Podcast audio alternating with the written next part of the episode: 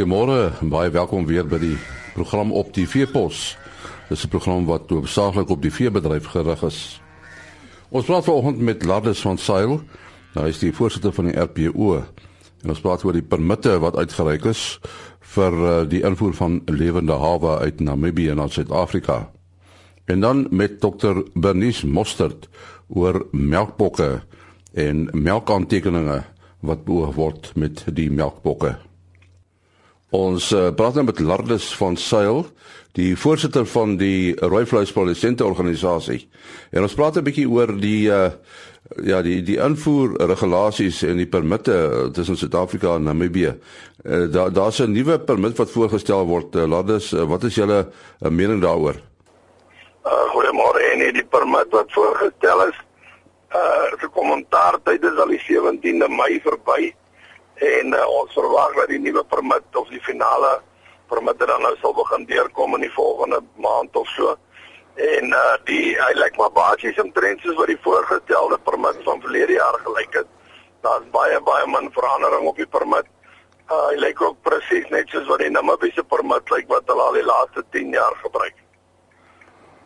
Nou hoekom is hy elke nou dan 'n probleem met hierdie hele invoer storie?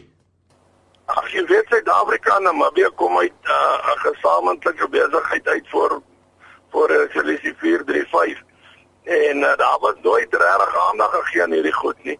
En in Namibië het al hier omtrent in 2000 rond as ek reg is, het hulle al vir hulle 'n nuwe permitstelsel in plek gebring om hulle nasionale kudde te beskerm teen siektes vanaf Suid-Afrika.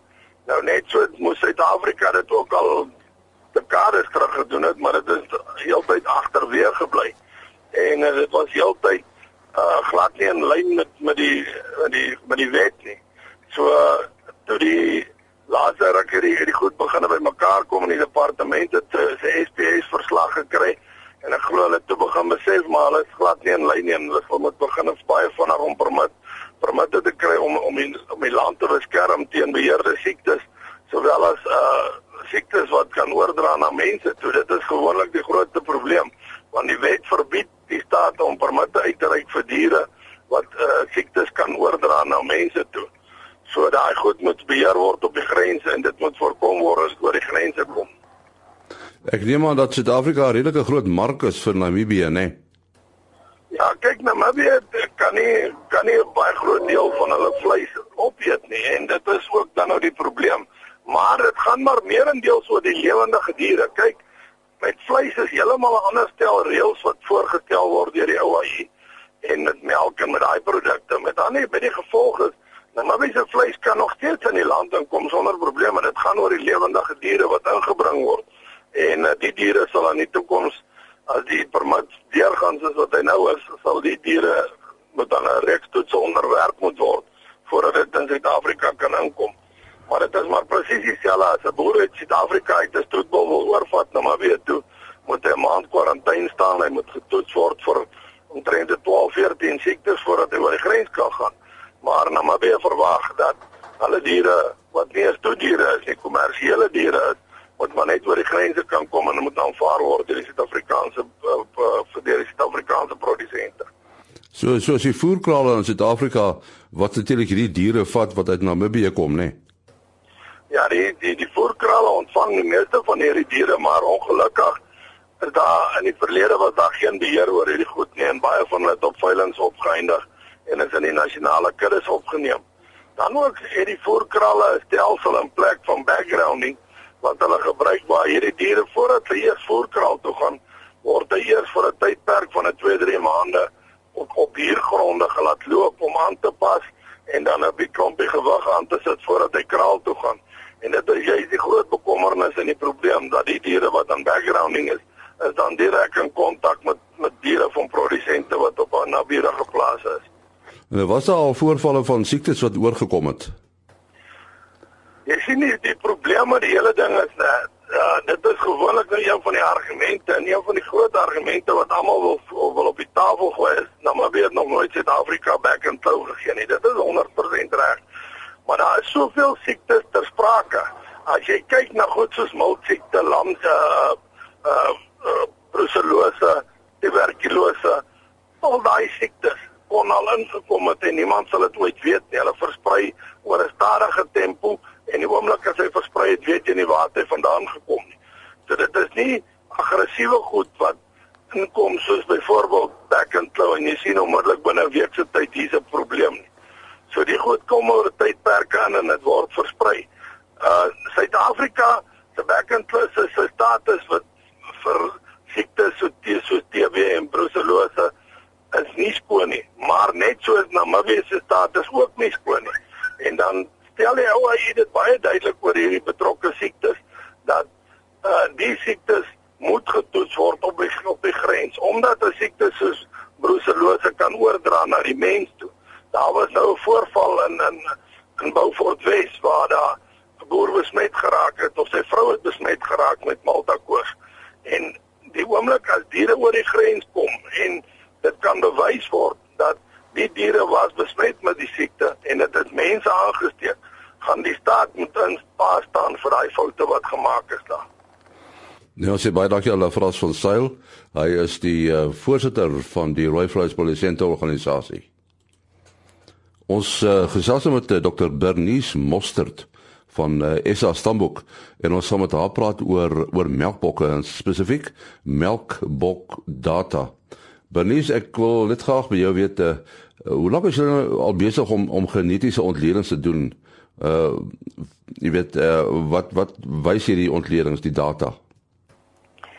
Ehm um, weet jy ons daar is soveel entoesiasme van die melkbokteelers af ehm um, dat ons besluit het ons moet iets vir hulle begin op die tafel sit en uh, ons het besluit ons begin met hulle lineêre data. Hulle is ehm um, ek dink in 2009 begin om hulle bokke te klassifiseer. Ehm um, so ons het nou so 3 maande terug hulle eerste ontleding vrygestel uh, wat ons elke wat ons jaarliks graag vir hulle wil doen en ons wil dit graag laat uitbrei na die ehm um, melk eienskappe toe, melk en bottervet proteïene en somatiese seltelling. Uh, maar ons wil net graag hê dat die die metings eers 'n bietjie moet optel. Ehm um, veral met melkaantekeninge dat ons bietjie meer data het. Uh so ons hoop die vrystelling van die lineêre ontleding sal die sal die teelers motiveer om ehm um, sodat almal kan begin melkaantekeninge doen en ons vir hulle regtige bruikbare ontleding op die tafel kan sit. So so die verkryging van melkaantekening, die inligting, die data, dit dit is nog 'n uitdaging. Dis nog 'n bietjie uitdaging. Ons het so 'n paar teelers wat baie ehm um, getrou melkaantekeninge doen. Ehm um, maar dit is nog net so 'n bietjie te min vir 'n vir 'n baie vir 'n bruikbare ontleding. As ons ek dink ons in 2 jaar se data kan kry uh wat geneem word deur 'n groter persentasie van die teelers, dan gaan ons vir hulle kan ietsie teruggee. Ja, dit is soos 'n um jy sodra jy vir hulle iets teruggee, uh dit motiveer hulle weer om te meet. So dit dit is 'n uh, ons wil graag hulle entoesiasme eintlik uh, kry met hierdie hele ding. En uh wat watter melkbokrasse is ondersoek? Ehm um, die grootste rasse in ons land is Madisane en dan die British Alpine en die Toggenburg is heel wat kleiner, maar hulle het ook data oor oor generasies wat ons al kan gebruik. Ehm um, maar ons grootste bokras is Madisane wat ons mee werk. Uh, dit het julle nog gekyk het uh, was daar enige genetiese verandering? Uh ja, ehm um, ten opsigte van die lineêre eienskappe was daar uh, uh nie vreeslik nie. Ehm um, Maar jy kan sien die ouens is besig om in 'n rigting in te beweeg veral ten opsigte van hulle eier eienskappe. Hulle is besig om om bietjie beter eiers te teel. Um die grootte van die bokke en of net dieselfde gebly. Ek dink die grootste verandering was maar wat by die eier eienskappe gewees. En en watter ander dinge het julle na gekyk? Watter ander belangrike aspekte?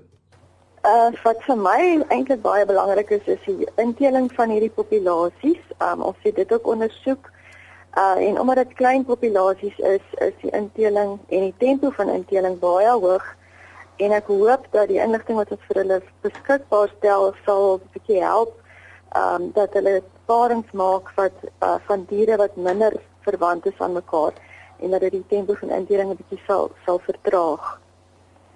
Uh die gebiede waar die goed get, uh, meer geteel word, uh, waar is dit min of meer? Ehm um, jong, daar's groot saankuddes in die Kaap wat ek van weet. Ehm um, en dan ook in die noorde.